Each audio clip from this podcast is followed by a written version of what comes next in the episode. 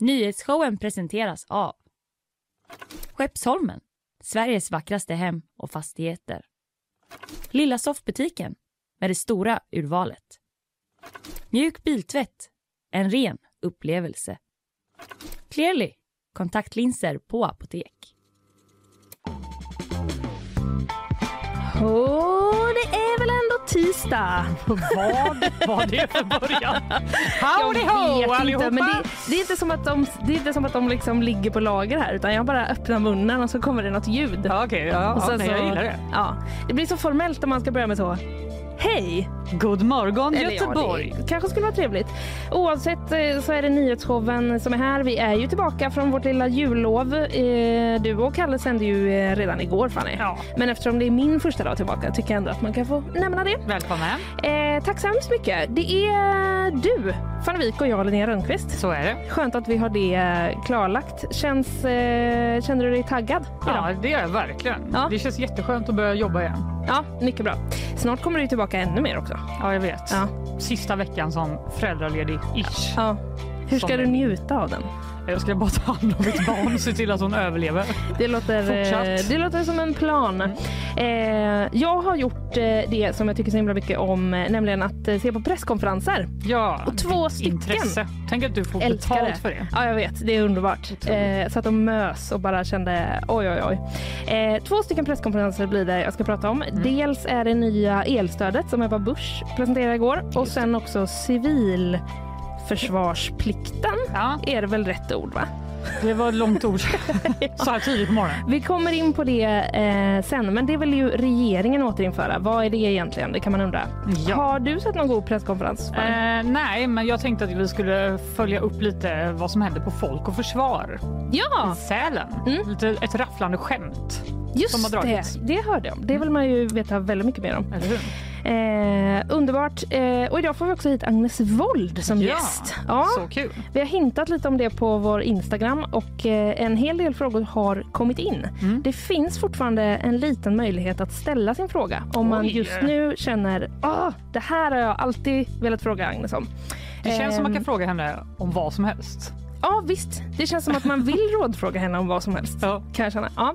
Eh, I alla fall, hon kommer hit, svarar på lite frågor eh, och efter den härliga, härliga stunden så blir det som vanligt ännu mer goda nyheter. Mm. Jag har till exempel, eh, ja det blir lite om vädret. Mhm. Från eh, mitt håll kan jag hinta om. Ja. Vad blir det från dig? Eh, jag ska prata om en kritiserad lyxklubb på Östermalm. Oh, Och också att Johnny Rotten vill vara med i Eurovision Song Contest. Just det. Och det är riktigt, riktigt sjukt. Jag ska berätta det Ja, för dig sen. gör det, för det här är ju en Det flög över huvudet på Ja, det flög över huvudet på mig. Ja, precis. Men jag kan säga det att det är riktigt sjukt. Ja, det är riktigt Det är sjukt. Vad bra. riktigt. Det är så skönt att vi kan komplettera varandra. Eh, men du, eh, Fanny, en utvecklad bild av eh, hur läget är då? Eh, men det är bra. Jag åkte ju Voi hit i morse Just det. som en riktig king. Det tog sex minuter från min, mitt hem till eh, redaktionen. Och då kan jag också säga att det gick så fort. Alltså det var, det var nästan läskigt. Det är ju inte någon ute på gatorna här vid fem snåret en tisdag. Nej, det är det inte. Så jag Förlåt, bara körde som en riktig dåre över heden. Bara, ja. Ja, ja, jag fastnade så mycket i att det tog sex minuter det är så här. Folk bara, okej. ja men eh, ni vet väl att jag bor i Vasastan Jo, det- och ja, att eh, sant. ligger där det alltid har Det är legat. sant. Det är väldigt sant. Poängen Eh, är att det gick otroligt snabbt. Ja, det får man ändå säga är väldigt snabbt. Ja, Ja. och jag har ju vissa problem med road rage även när jag kör vanlig bil kan jag avslöja. Så eh, det är bra att jag kör Voi endast när ingen annan är vaken. Ja, väldigt skönt. Mm. Eh, att slippa liksom behöva... Fast du kanske ändå tittade dig runt lite för att kolla så att det inte var någon bil, eller? Det var så mörkt också. inte så noga. Hur mår Hade du i alla Hade fall? du hjälm? Nej, Nej, nu får du skärpa dig. Du är ju faktiskt någons mamma. Ja. Ja. Ja. Tänk på eh, det. Måste man ta hand om sig, det måste alla andra också. Men, eh, nej, men det är bra eh, med mig, typ. Jag liksom, har tappat vanan för de här höga stolarna lite. Nej, är det dags att trilla ner för stolen igen Linnea? Ska... Det är nytt år nu, du måste lära dig att sitta på stolen. Jo, jag vet och jag kommer in i det. Men Mm. det är bara det att det är liksom, man, man ser ju inte det. Det är ju bara jag som vet det. Men jag vet ju själv att jag sitter och dinglar med benen här. Ja, under det här bordet. Om ni hör ett brak, då är det Linnea som har trillat ner. Ja, då är det jag. Men vi ska nog eh, få ordning på det här va? Jag tror på dig. Vi eh, drar igång. Eh, Min son, eh, prins Filip, han, han, han, var, han var född. Och sen så är plötsligt ändrar man så blir han av med, med, med, med, eh, med det hela. Det är ju ganska märkligt, tycker jag. Så kan man inte göra. Orättfärdigt. Ja, jag tycker det. Mm. Presskonferens nummer ett av två blir det nu då. Ja, jag är med. Ja, du ser riktigt taggad ut. Nej, men jag är faktiskt taggad för jag har inte alls eh, lyssnat på de här Bra. presskonferenserna frivilligt om man säger så. Mycket bra, det är så jag vill ha det. Mm. Eh, det blir ett nytt elstöd. Mm. Det meddelade Ebba Busch igår, vår energi och näringsminister, Mm. eh, på en presskonferens som sagt. Hur många energi, eh, eller hur många elstöd är vi uppe i nu Fanny, tror du? Alltså jag vet inte, men det känns som att eh, inte folk har varit så nöjda med dem första. Ja, lite tjorvigt har det ju Lite varit. tjorvigt har det Ja. varit va? Jag eh, har eh, tänkt efter och eh, tror att det är ungefär fyra stycken elstöd Oj! som vi är uppe i nu. Men då är det liksom eh, både privatpersoner och företag. Ja, ja, ja. Mm. Och sen är inte alla klara och igång och sådär. Men det finns liksom fyra tror jag ungefär i som är, vi är uppe, pipen. I pipen ja, Mm. exakt. Mm. Det som annonserades igår det är då ett elstöd till privatpersoner. Det gäller alla i hela Sverige. Eh, och tidigare i höstas så kom det ju eh, det första liksom elstödet för privatpersoner. Mm. Men det fick ju inte hushåll i Norrland ta del av. Alltså elområde 1 och 2. Det kändes lite taskigt faktiskt. Ja, men nu! Nu får man stöd i Norrland också Ja, okej. med det här beskedet som kom igår. Ja. Eh, och det här nya stödet då, det beräknas utifrån hur, eh, liksom, hur mycket el man, eh, eller ja, den elen man använde i november och december 2022. Alltså precis alldeles nyss nu. Okej, så man kan inte liksom kräma på utav bara helvete nu Nej. då, utan det är, det är det du redan har använt? Ja, men, ja exakt, det är liksom det det räknas eh, utifrån. För det Mm. har varit väldigt höga elpriser även i norra Sverige då, de Mm. senaste två månaderna. Det var det de kom på? Ja. Att det var inte helt schysst det här kanske? Ja, nej men vi kommer lite till eh, liksom eh, det, vad heter det, detaljerna Ja, bakom ja, det här. ja, ja. Nu- Jag ska lugna mig lite. Ja, precis. Det, men det jag gillar ändå att du är väldigt sugen. Det är inte alls så att du sitter och typ väntar ut tiden och pillar lite så. Nej. Eh, nu kommer vi till en kändis i de här sammanhangen. Ja. Mm. Man får vara ganska inbiten eh, för att kanske känna igen den här personen. Eller ja, det vet jag inte. Men eh, SVTs reporter Johan Zachrisson Winberg. Okej. Ja, han har bevakat de här frågorna mycket. Aha. Och eh, han kommenterade då Ebba Buschs besked eh, så här i SVTs livesändning. Nej, men det första man tänker är ju egentligen att det här ser exakt likadan ut som det gamla stödet. Det är faktiskt ingen skillnad och det är om man ska vara PT egentligen inte heller skillnad att det här också går till Norrland utan skillnaden är att det här gäller november och december. Och i november och december har även Norrland haft höga elpriser. Så att upplägget, konstruktionen är exakt samma. Det är samma idé, samma regel. Och eh, tyckte man det förra var lagom rättvist så är det här också lagom rättvist. Jaha, Så oavsett hur rättvist du tyckte att det gamla var så kan du tycka samma om Men- det här. okej. Det är ingen skillnad. Det är det, Det är, det är liksom liten skillnad kan man säga. Vi kommer in på det sen. Men det det handlar om då, det var inte så att regeringen sa eh, vi tycker inte om Norrland. Nej. Ni ska inte få något elstöd. Typ. Utan det var ju så här att man satte en nivå. Att hade man kommit upp i över det här i pris, Mm. då fick man stöd. Och Okej. så höga priser hade de inte i Norrland. Nej, okej. Under den perioden som det stödet liksom baserades på. Jag förstår. Eh, så var det. Men nu, nu har priserna gått upp även i norr. Ja, vilken tur att de Eller också hur? fick vara med då. Det är lite så, ja, man får stöd men man har också haft mycket högre priser. Mm. Men om typ, eh, nu blir det väldigt ovetenskapligt, men om typ eh, elområde 3 då som vi bor i, Mhm. i Göteborg till exempel, och Mm. 4 längre ner söderut. Om vi har haft liksom eh, höga priser så har Norrlands priser nu liksom börjat så klättra lite upp. Sukta lite Ja. efter våra eh, höga elpriser. Så att nu kommer även de områdena att få eh, stöd. Men en eh, skillnad finns. Mhm. Vad är det? Undrar eh, du kanske? Svenska kraftnät ska pröva om det går att sätta ett förbrukningstak. Det vill säga ett högsta antal kilowattimmar som ett hushåll kan få stöd för. Ja, Så att man kanske inte kan få hur mycket stöd som helst. Så om man har ett sånt enormt slott Mm. så kanske man ändå måste avgränsa lite. Ja, precis. Det kan vara så. De ska liksom utreda det. Eh, men, och Ebba Busch beton, hon betonar också liksom att eh, men vi vill inte att det ska ta jättemycket längre tid Nej. på grund av det. Så att man kanske får skita i det. Typ så. Vi Lite kanske så. gör det, vi kanske inte gör det. Ja. Det beror på. Ja. Ja. Eh, Det är då Svenska kraftnät som ska utreda detta. De har fått eh, det här i uppgift. Eh, Mm. Och man ska också titta på då om man kan eh, sätta det här taket på olika nivåer. Alltså att vissa kanske kan få mer stöd än andra eh, beroende på hur kallt klimat man bor i. Okej. Till exempel då, det är ju mycket kallare i Norrland. Ja, det får man Då behöver säga. man ju mer el om man typ värmer upp sitt hus med el till exempel.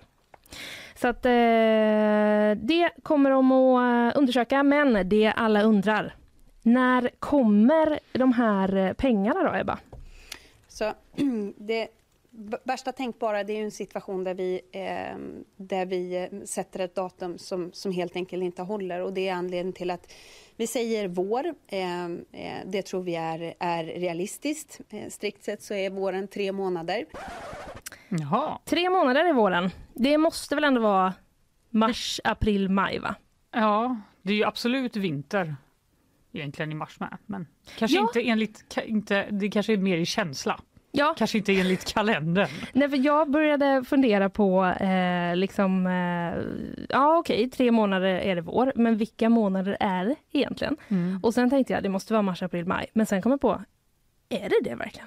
Men juni är ändå sommar. Ja, det måste ju Så vara så. vi, vi får helt enkelt räkna ut det. Eventuellt så- mejlar jag eh, hennes presskontakt för att bara kolla det så att vi, så att vi Ja, vet. det kanske är bäst. Men jag tror också att eh, jag vet inte, det är nu det är den fattigaste månaden Ja, på året. Mm. Men det är liksom, det kan man, det, det är dröm och glöm att det ska komma. alltså liksom en sak som jag typ har lärt mig då genom alla de här elprisstödsturerna är vad mycket byråkrati vi har. ja, just det. och vad Är det något som mycket- politikerna också lär sig kanske?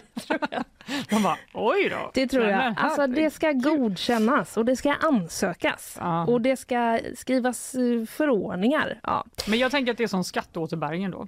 Att man har typ sparat till sig själv ofrivilligt. ja lite så kanske så man bara, får se oj, det. Liten Ja. slant Ja, som kom in. ja, exakt. Men eh, alltså då nytt elstöd till privatpersoner, en eh, ny omgång av det som tidigare redan är utannonserat. Det blir alltså inte så att det är någon ändring i det gamla stödet utan det här är liksom ett till stöd. Eh, bygger på vad elen eh, du eh, använder kostade och hur mycket du har använt och pengarna kommer någon gång i eh, vår. Bra, Toppen! Vi, tydligt. Ja men tack! Tack du. Nu är vi igång va? Japp, nu är vi jag igång. känner det. Ja. Eh, vi ska alldeles strax ta ett eh, nyhetssvep. Men eh, no. innan det, vi, tar, vi börjar med eh, att lyssna på våra sponsorer. Nyhetsshowen presenteras av Skeppsholmen, Sveriges vackraste hem och fastigheter. Lilla soffbutiken med det stora urvalet. Mjuk biltvätt, en ren upplevelse. Clearly, kontaktlinser på apotek.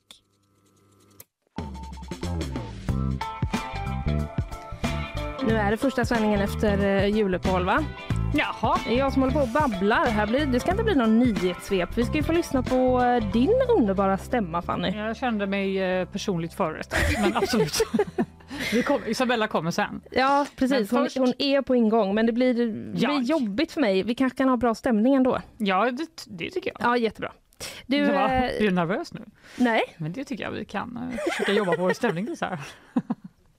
Nu vi, vi. gör det genom att åka till Sälen där vi Ja! även var igår. Kalle pratade ju om eh, Folk och Försvar och det ska även jag göra för att den eh, konferensen pågår även idag. Mm. Idag är sista dagen eh, och jag tänker att vi kanske måste återvända till gårdagen först. Summera lite, vad hände?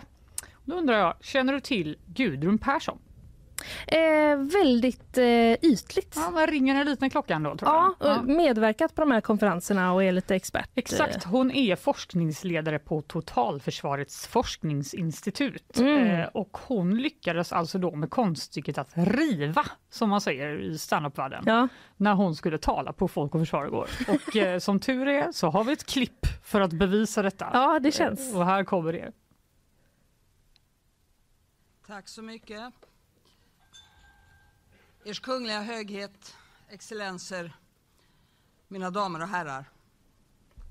Rubriken jag har fått är Fredlig samexistens mellan Europa och Ryssland. Är det möjligt? Svaret är mycket enkelt. Nej.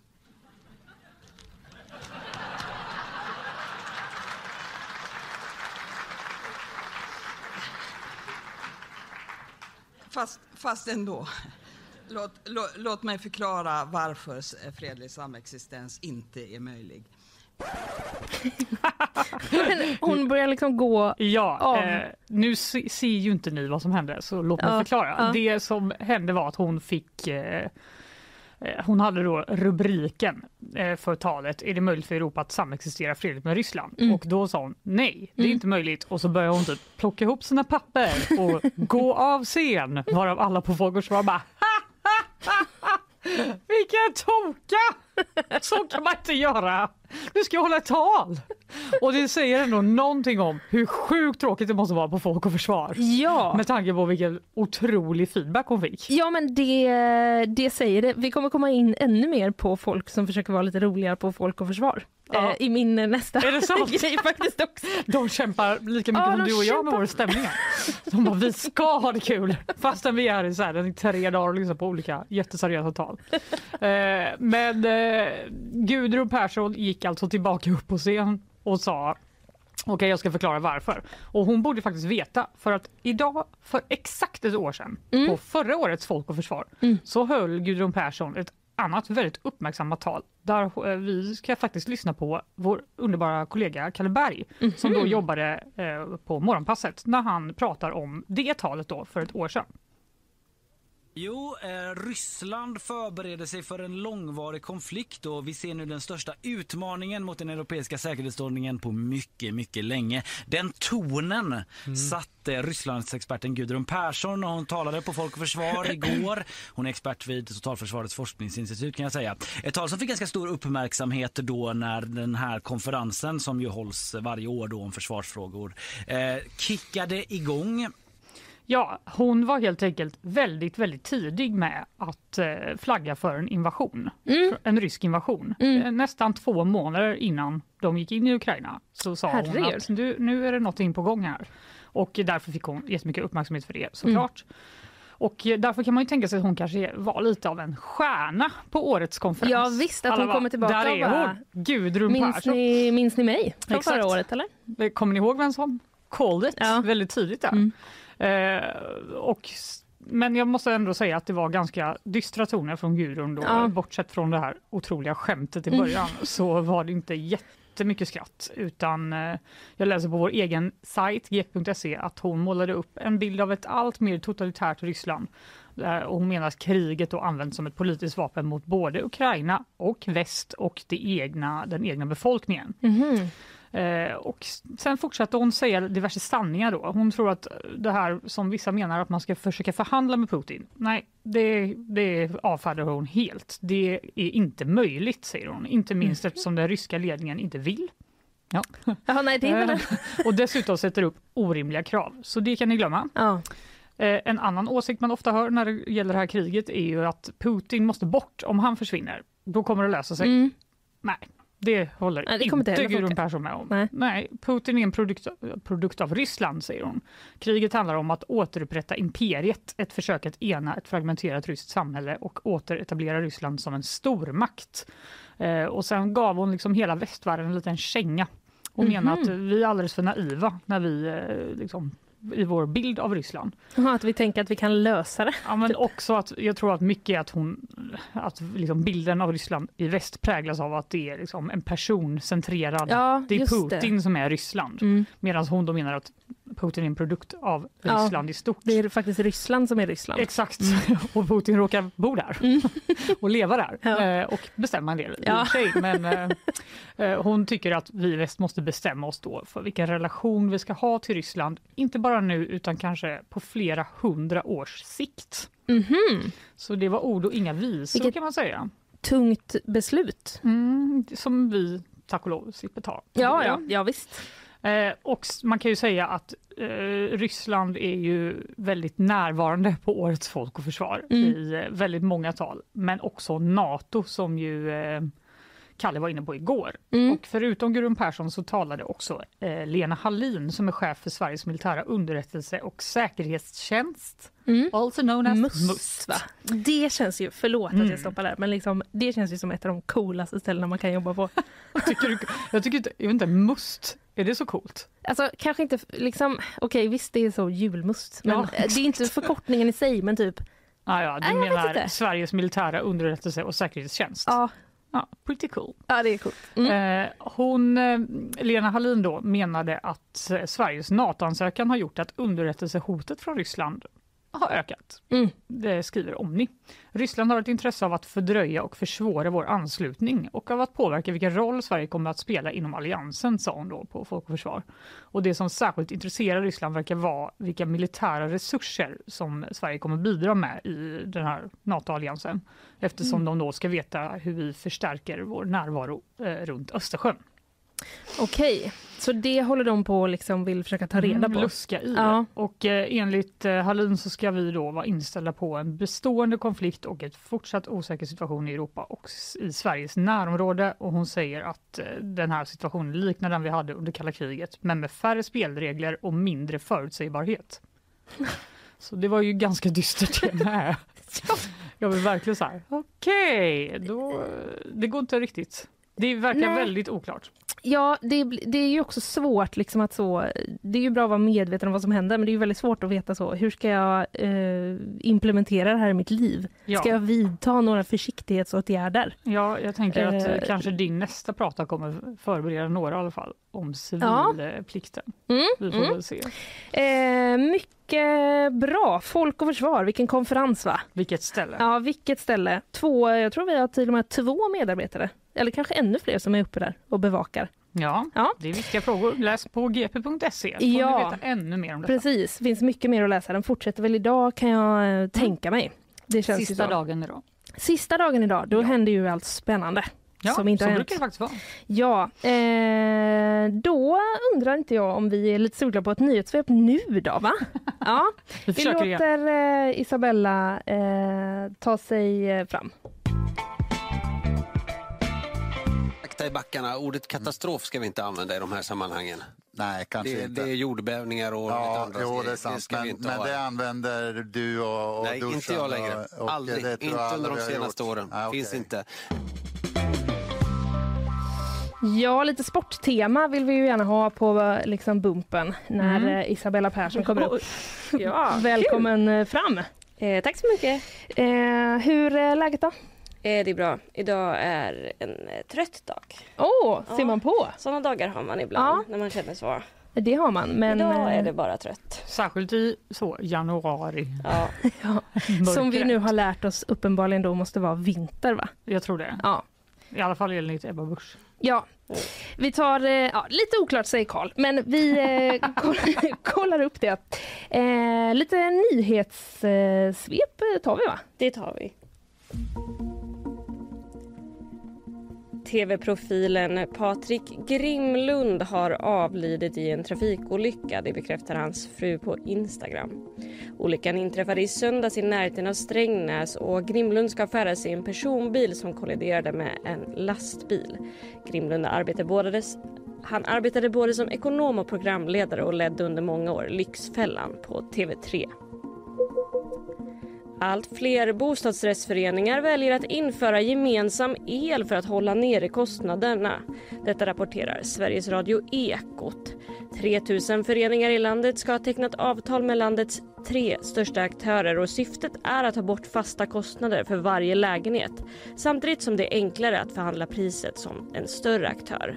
Samtidigt så tappar varje enskild lägenhetsinnehavare rätten att byta bolag. Federala åklagare i USA har inlett en utredning efter att hemliga dokument hittats i ett låst skåp på Joe Bidens gamla kontor. Det ska handla om dokument från tiden då han var vicepresident under Obama och eh, dokumenten ska ha hittats av Bidens egna advokater. Åklagare ska nu utreda dokumenten och hur de hamnat i skåpet samtidigt som Biden nu får kritik från republikanskt håll eftersom han tidigare kritiserat Donald Trump för liknande händelser. Skåpet. Typiskt. Mm, han har saker i skåp. skåpet. Herregud. Ja, eh, det är mycket hemliga dokument i olika skåp och på olika adresser. Man undrar också hur de... Fan, ska vi kolla det här låsta skåpet eller? Ja, visst. Det här ligger lite hemliga dokument. Nej, men, vad gör de här? Har, Ja, ni hur går några, det till, liksom? har ni några hemliga dokument i några skåp? Nej, jag har inte och ens ett Isabella? skåp. Nej. Nej, jag har inget tror jag. Nej. Eller Skulle du ha vet inte. sagt om du hade det? Nej, absolut nej, inte. Nej, absolut inte. Eh, strålande. Eh, tack för den här eh, nyhetssvepet och redogörelsen för dina skåp och eventuella hemliga dokument. Vi eh, ses igen lite senare, Isabella. Det gör vi. Det går jättebra, men väldigt svettigt. Svettigt? Ja, masken är så himla tät. Så det är så himla varmt. Är det roligt då? Ja, skitkul. Skitkul är det. Ja. Kan någon inte bara rädda det här barnet? Jo. Men det vet man ju också typ när man var liten. Det kunde ju vara vissa grejer som var så här, typ vill du verkligen vara vaken längre? Man bara ja! Jag vet. Men så är man jättetrött. Ja. Barn va? Inte så smarta. All jag right. säga det. Jag Mm, säga det. det var bra. Bra eh, rutet av dig. Du, vi ska ännu en gång till Folk och Försvar nu. Ja! Ja! Regeringen vill återinföra civilplikten. Mm. Nu eh, är det presskonferens nummer två då som jag rapporterar ifrån här. Eh, Folk och Försvar eh, pratar ju du om alldeles nyss och Kalle igår, som vi redan har nämnt. Eh, men Men det är den stora grejen nu. det är ju den stora grejen, precis. Det var tre ministrar då på den här eh, presskonferensen som jag såg. Statsministern var en av dem Mhm. och han inledde eh, den här presskonferensen så här. Jaha, god morgon. Alla är inte i skidbacken än, noterar jag. Inte ens i skidspåren. Även om lockelsen där utanför tycker jag känns oemotståndlig. Han vill inte vara på sin egen press. Men alltså, var det inte väldigt så att man bara oj, vill du vara här? Ja, verkligen. Jättegott. Också att han bara dissade de som var där. Ja, ja visst. Ja, Eller hur? här Så- sitter ni istället för att vara i skidbacken. Varför är inte ni i skidbacken? Det ser ju supergött ut där ute. Så här, jag är bara statsminister och har kallat till en presskonferens, men varför kommer ni typ? Så man så här, tror inte på sin egen grej. När man försöker vara lite för skön. Ja, eller hur? Lite, Men ja. också typ mycket så eh, känsla av en, eh, att om man typ är på konferens och det är en chef som typ kommer ner på frukosten och bara jaha, här sitter ni och är lite bakis. ni är inte ute i skidbacken än. Va? Också, det hade varit kul om någon hade bara, nej, när du säger det. Jag drar. Nu när du säger det. Ja, Har du ja. Eh, precis. Men civilplikten handlar ju den här presskonferensen om. Mm. Inte om huruvida man ska vara ute i skidbacken eller inte. Nej, man kunde ju tro det där ett tag men eh, absolut. Man kunde tro det. Eh, vad är då civilplikt Fanny? Ingen aning. Svara Jag med inte har- 2500 tecken Jag tack. hoppas det inte har något med mig att göra. Känner jag spontant. Ja, men det skulle det nog faktiskt ändå kunna ha. Aha. Ja, eh, civilplikten går ut på då att eh, samhällsviktig verksamhet ska fortsätta fungera under krig och kris. Ja, det låter väl i och för sig ganska viktigt. Ja, typ järnväg, räddningstjänst, barnomsorg, sjukvård. Mhm. Sådana saker som liksom eh, inte riktigt kan, man kan pausa bara för att eh, det blir lite krig. Lite krig, för, Mm. ja, för att det blir krig. Eh, och det regeringen vill då att man börjar med inom eh, det här är civilplikt inom räddningstjänsten. Så att personer kommer då bli civilpliktsplacerade inom räddningstjänsten. Okej. Och det är helt enkelt för att man ska kunna fortsätta ha en fungerande räddningstjänst även när det är krig. Att man kanske behöver liksom fler personer då ju. Eh, uppenbarligen. Eh, där vill man börja. Eh, du och jag då Fanny, producent Karl, Isabella, som eh, nyhetssvepar, är vi en del av den här samhällsviktiga verksamheten som behöver upprätthållas även när det är krig? Ja, du menar i, i, vår, i vårt arbete som vi gör nu? Ja, precis. Inte i våra privat. inte bara att vi måste få fortsätta vara lediga. Skulle de placera ut oss någonstans? Men, Mm. ja, nej, men jag, ja, det är väl. Mm. Information är väl väldigt viktigt om det blir krig. Ja, men det är det. Eh, absolut. Jag har försökt eh, googla väldigt mycket. Det finns liksom ingen så färdig lista på exakt de här personerna. Nyhetsshowen. Typ Fanny Vi klarar det. är samhällsviktig. Så. Eh, men eh, enligt MSB då, så är det eh, verksamhet som eh, verksamhet, tjänst eller infrastruktur som upprätthåller och säkerställer samhällsfunktioner som är nödvändiga för samhällets grundläggande behov, värden eller säkerhet. Okej. Någon eh, har kanske ett grundläggande behov av att eh, lyssna på nyhetsshowen. Det får vi väl ändå hoppas. Ja, men det är ju också journalistik såklart. Det är ju viktigt. Eh, men eh, det är lite sådär, man kan inte riktigt få svar på exakt vad som ingår och inte. Men jag hittade på Journalistförbundets hemsida Mm. i en artikel från 2020. Eh, då skriver de så här. Regeringen beslutade 20 mars 2020 vilka ur, vilka ur, vilka Yrken. yrkesgrupper som ska ha rätt till barnomsorg om skolorna stänger. Och då eh, står det journalister tillhör en av dessa samhällsviktiga yrkesgrupper. Okej. Det var ju liksom under pandemin att det var så här, när man, då snackar man ju ganska mycket om det, att så, Mm. vilka ska få, vilka har viktiga jobb så Mm. de får ändå ha sina barn på förskolan och så. Eh, men där verkar liksom ändå journalister ha skvalat in eh, på något sätt då. Ja. Eh, men utöver det här med civilplikten så finns det också något som heter allmän tjänsteplikt. Okej. Det är också en del i liksom totalförsvaret. Mm. Eh, och det innebär att man fortsätter jobba med det man jobbar med. Även under liksom, kris eller krig. Ja, okej. Eller sådär.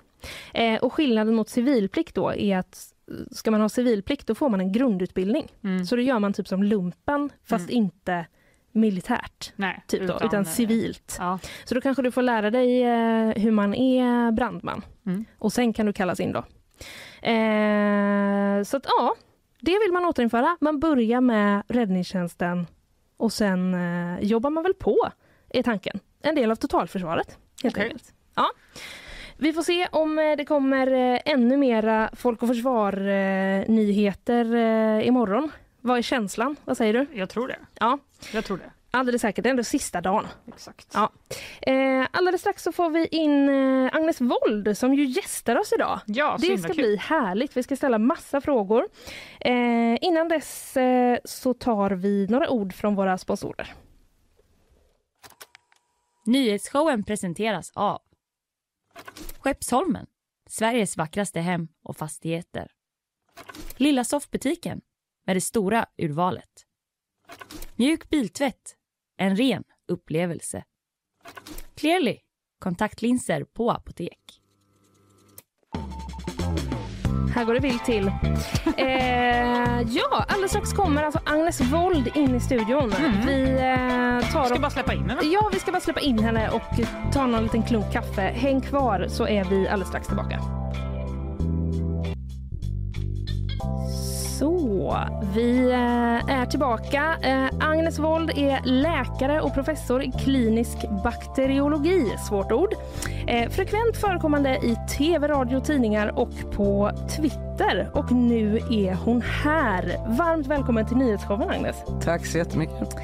Eh, du, hur är läget? Om vi börjar med det. Vi ska prata lite covid, influensa, RS och lite sånt där. Eh, hur, hur har du klarat dig själv under jul och nyårshelgerna? Hur har det gått för dig? Jag klarade mig utmärkt tills min dotter och dotterdotter kom från Bryssel med Kielbåten och steg av och sa att vi blev sjuka i natt och sen låg de och var sjuka och sen så Nej. blev vi Ah. sjuka. Mm. Ja, okej. Ja, men det känns lite... Det, lite kan jag tycka att det känns som att om man, om man har klarat sig under de här veckorna, då får man vara liksom riktigt glad. Det känns Mhm. som att man har haft oddsen mot sig. Eller? Vi har ju klarat oss, du och jag. Ja, du och jag har gjort det. Ja. Ja. Det är ju alltid något. Eh, men det är ju väldigt mycket i... Eh, man läser ju nu mycket i tidningar och så att det är högt tryck på sjukvården och att det är många smittor som går runt. Är det eh, sant eller är det bara en, en, känsla jag har? Mm, men det är ju sant, båda två är sant att eh, det är mycket smittor. Det, Eh, nu är det ju så att det brukar ju ofta vara så så här års. Influensan Mm. brukar ju komma och, och vara som max kanske i början på februari eller så här, och sen försvinner den bort då. sen har vi då RS-virus. Det är ju det är ett speciellt virus. Det finns ju... Det är inte det att det är så extra mycket utan det är det att folk blir extra mycket sjuka. Det är små barn då. Mm. Väldigt små barn som har lite otränat immunsystem och då blir de... De kan bli jättesjuka. Det är ju en minoritet som blir det då. Eh, och så det är ju mer än det brukar vara och det kan ju bero på att man har inte mm, tränat sitt immunsystem och, och det här har byggts upp och, och det är ju äldre syskon då som får det här och sen så får spädbarnet det och så kan de bli sjuka. Och så har vi covid en hel del också då. Mm. Mm.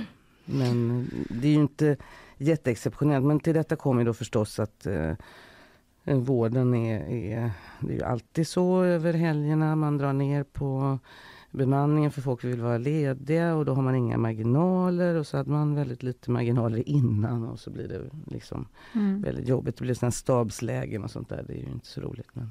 Just det. Men är det så att det är mer smitta nu efter pandemitiden när vi har liksom släppts ut i samhället igen? Eh, ja, det kan man nog säga. Alltså mer smitta, ja delvis och framförallt att vi blir sjukare då för att eh, eh, normalt är det ju så att eh, om du har haft eh, en influensa, den kommer ju varje år, den är lite olika stammar och då blir en del blir sjuka och så blir de då immuna och så nästa år så blir de inte sjuka av samma stam och så håller man på så. så att Mm. eh, varje tillfälle kanske är 10-20 procent som är mottagliga. Men om man då har tre år där ingen har blivit sjuk då har man ju liksom eh, eh, bulkat upp den här andelen som är mottaglig då. Så att eh, det är ju ingenting att göra åt utan det, det är så. Och det är ju tråkigt. Men, men jag tycker man får ju tänka på, eh, alltså man glömmer så fort, men tänk på hur det var här eh, ja, alltså innan vi fick vaccinet den 2020 eh, på, eh, på slutet där. När man var jätterädd att gamla människor skulle få det här och folk dog och så vidare. Så att det här är ju ingenting. Det, det är lite jobbigt men det får man ta. Det är som, det är biverkan av att vi är sociala varelser och träffar varandra och då finns det såna här mikrober som har mm, utnyttjat detta och sprider sig mellan människor som träffas och trivs och så. Mm. Alternativt att sitta själv i en stuga i skogen. Ja, det är ju inte... Det kan ju vara kul en dag ibland när man känner att man behöver, men Möjligen. Ja, sen Sen- tar man gärna förkylningen faktiskt. ja, nej men lite så. Eh, men om det här nu är då en konsekvens att vi inte har utsatts för de här varianterna, eh, vad, vad kan det bli för andra konsekvenser av, eh, av pandemin och som vi har levt under den tiden? Eh, ja, alltså man kan ju tänka sig, jag, jag sysslar ju med de här sjukdomarna som man får eh, som är vanligare i västvärlden än i fattiga länder då eh, som allergier och autoimmuna sjukdomar så, som beror på att immunsystemet eh, blir så att säga felreglerat. Och de tycks ju bero på att vi eh, träffar på allt mindre mm, infektioner och, och överhuvudtaget mikroorganismer. Och det är klart att ett par år så här när man varit väldigt försiktig. Det var ju, fanns ju inget alternativ. Det är klart att man skulle göra så. Mm. Men eh, på gruppnivå kan det nog eh, innebära att vi får mer av de här allergierna, autoimmuna sjukdomarna. Mm. Kanske om fem år. Alltså man ser de, de som var små barn under de här åren. De kanske Mhm. kommer att ha en högre risk. Det får vi se, men, men Mm. det kan jag tänka mig. Då. Men för att man då eh, liksom typ har tvättat händerna och inte umgåtts eller? Alltså tvätta händerna tror jag inte är så himla effektivt i Nej. det här. Men, eh, nej, men det är ju det här att man, man har hållit, eh, hållit avstånd, man har umgåtts i, mindre grupper. Alltså det gjorde vi ju för att minska spridningen av coronaviruset och, och all, allting annat som sprids på samma sätt. Alltså alla eh, såna här patogena sjukdomsframkallande mikroorganismer sprids ju antingen genom att man eh, pratar och hostar och, och sjunger och, och snackar eh, eller att man tar i varandra eller man har Mm. sex eller något sånt där. Så att det, det är de här smittvägarna då. Och då. Alla de här smittvägarna har man ju dragit ner till ett minimum när man blir så här rädd av sig och så. Så att Mm. eh, allting, och det kunde man ju se också på jag jobbar ju på ett mikrobiologslab, man säger ju att alla eh, alla eh, smittsamma sjukdomar gick ju ner, inklusive kräksjuka. Kräksjuka sprids ju inte alls på samma sätt. Mm. Men eh, om man har en pandemi, då blir man lite försiktig av sig och håller sig hemma och sådär. Vilket är bra, men, men det innebär ju också att man får inte den här immunologiska träningen då. Mm. Just det. Men på tal om kräksjukan Ja. så har vi en spaning här som eh, Karl, vår producent, har eh, skrivit in i vårt dokument. Han hävdar då att när han var liten så var det ingen som någonsin pratade om vinterkräksjukan. Den dök upp som en term någon gång på 00-talet i samband med de spanska hallonen som ryktades bära på smittan. Kan detta stämma och är vinterkräksjukan en ny grej? Mm, väldigt intressant eh, spaning. Han är så nöjd där i hörnet. Oj, vad nöjd. Eh, ja, därför att eh, ja, alltså det, mm, första gången man eh, eh, namngav den här, jag tror det var på 1920-talet, så den, den är ju inte helt ny. Men vad som hände, det stämmer ju att när jag var liten så man hade något som heter maginfluensa. Ehm, men det var inte alls av den här karaktären, inte alls de här epidemierna då som vi har och de, de blir bara mer och mer. Och eh, den intressanta förklaringen jag har hört då det är att vi har ju fler och fler människor som har ett eh, nedsatt immunsystem. Eh, därför att man har ju många människor som står på behandlingar då. Folk som förut dog eller blev invalidiserade. Nu får de eh, behandlingar som dämpar immunsystemet. Och då är det ju känt att eh, eh, alltså folk som i övrigt är friska får ju kräksjuka någon dag eller två och sen är man frisk. Men eh, folk som har sån här eh, svagt immunsystem, de kan vara alltså folk som har transplanterats och står på immundämpande behandling och så, de kan, vara, de kan ha kvar det här viruset i månader. Mhm. Och, och förmodligen är det så att vi har en vad som kallas reservoar numera i samhället som är mycket större därför att vi har folk som eh, inte eh, så att säga, blir av med viruset med en gång då. Och då, då eh, ökar det här. Så att det var något som jag skulle säga att det här dök upp, dök upp gjorde det inte, men, men det blev då ett större problem på 90-talet ungefär. Ja. Ganska nära Karls, eh, Ja. vad, han, vad han kände. Men Mm. är det då liksom för att eh, de personerna som, som har inte blir av med viruset på längre tid, att det, då är det lättare att det sprids? Ja, de finns Eller? ju då. De ligger ju på sjukhus Mm. och, och, eller ja, de vårdas hemma. Eller ja, de, men, men, men där får du då en, en, vad som kallas i smittsammanhang en reservoar, alltså ett ställe där den här finns. Mm. Liksom. Det, det har ju varit diskussion också när det gäller mm, Mm, covid, de här, var uppstår de här mutationerna?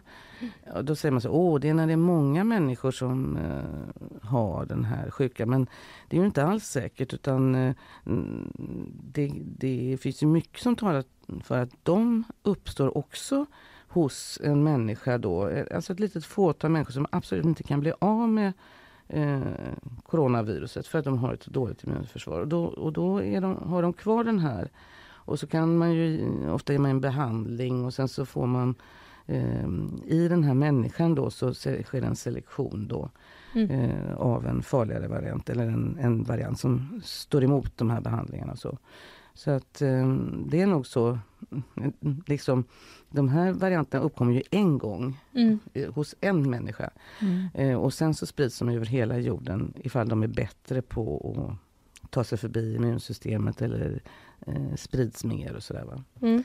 Ska vi också bara ta lite grann det här eh, som Karl har med de spanska hallonen som ryktades bära på smittan. Ja. Det känns som att vi ändå måste adressera det så att vi inte bara Ja. startar ett sånt rykte.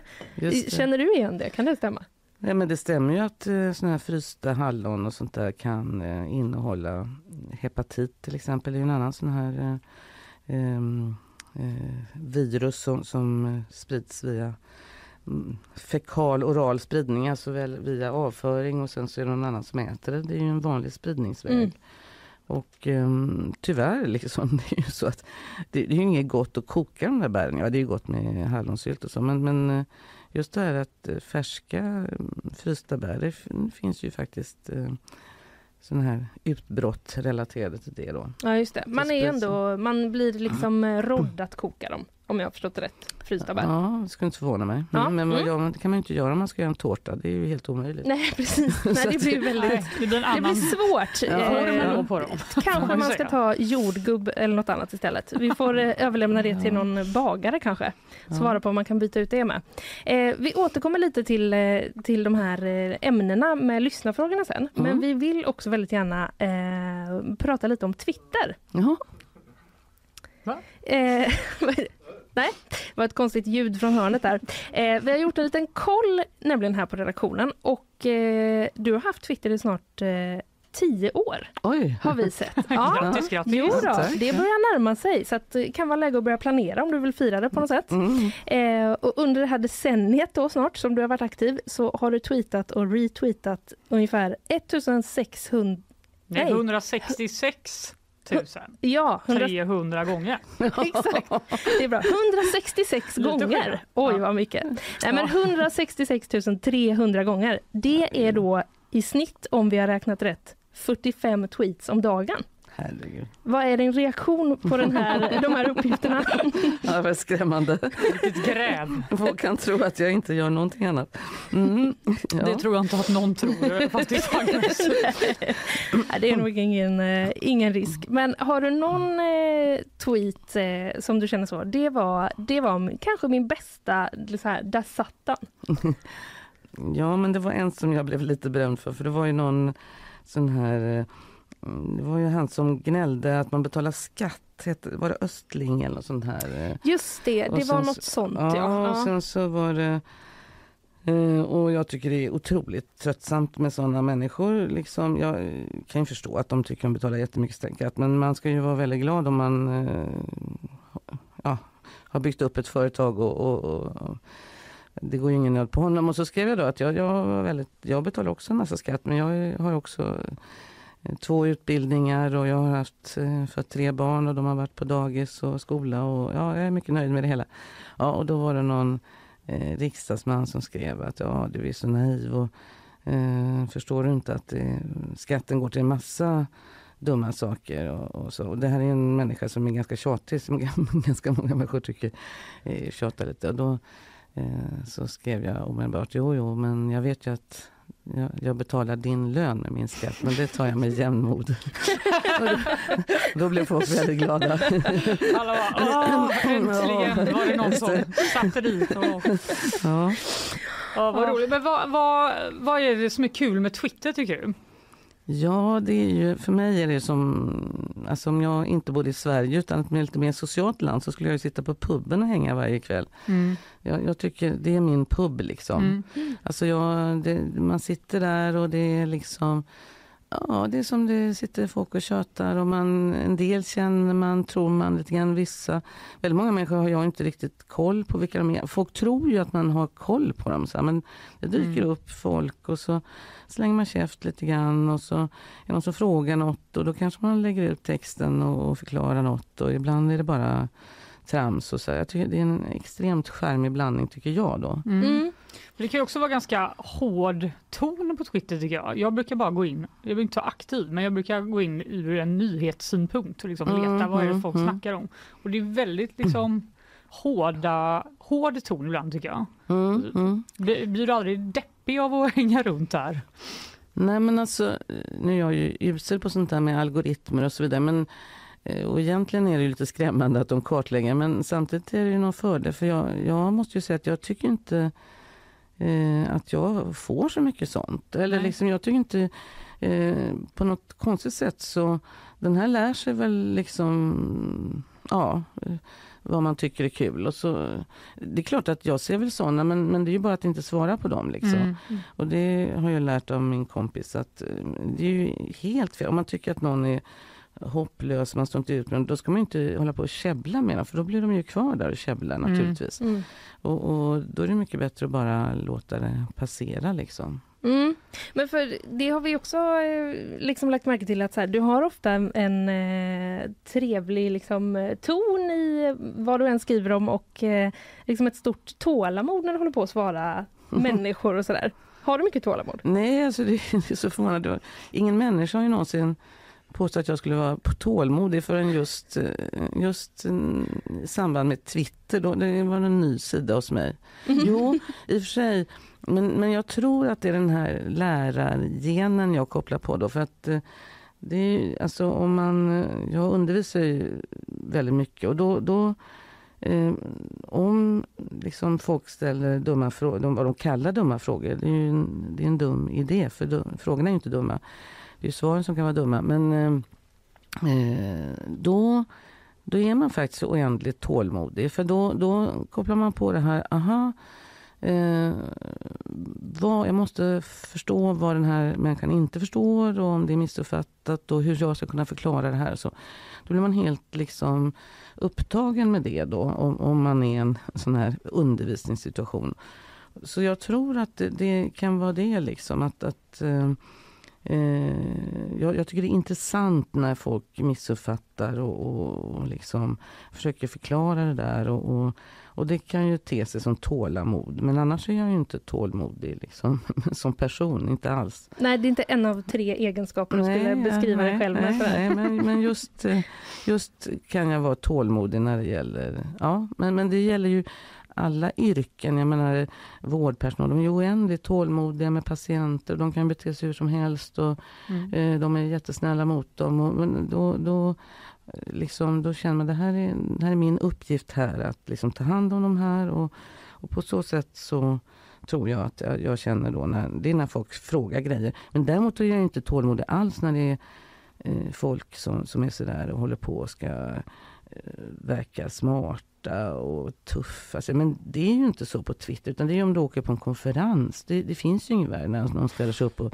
ställer en fråga, fast det är ingen fråga. This is mm. really oh. more a comment than a question, mm, Joe.